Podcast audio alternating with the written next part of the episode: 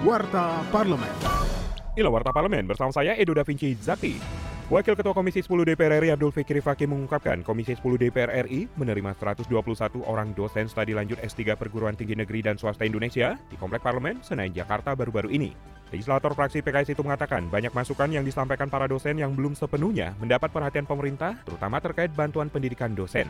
Untuk itu Abdul Fikri menegaskan Komisi 10 DPR akan mendorong pemerintah untuk membuat skema khusus terkait bantuan bagi dosen agar bisa meraih gelar doktor.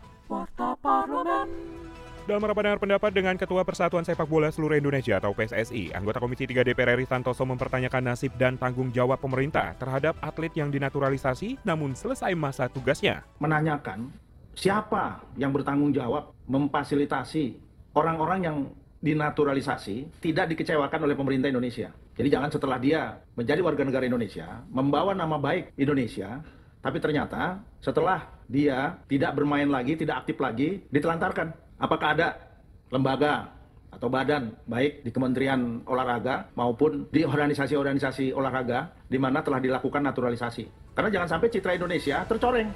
Informasi lebih lanjut silakan kunjungi laman dpr.go.id.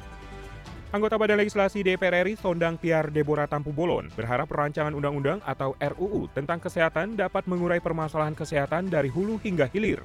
Saat RDPU dengan Ketua Asosiasi Rumah Sakit Pendidikan Indonesia atau ARSPI dan Ketua Asosiasi Pendidikan Kedokteran Indonesia atau AIPKI, politisi fraksi PD Perjuangan itu mengingatkan sistem kesehatan jangan hanya mengurus orang-orang yang sakit saja, juga harus terpikirkan bagaimana meningkatkan derajat kesehatan masyarakat.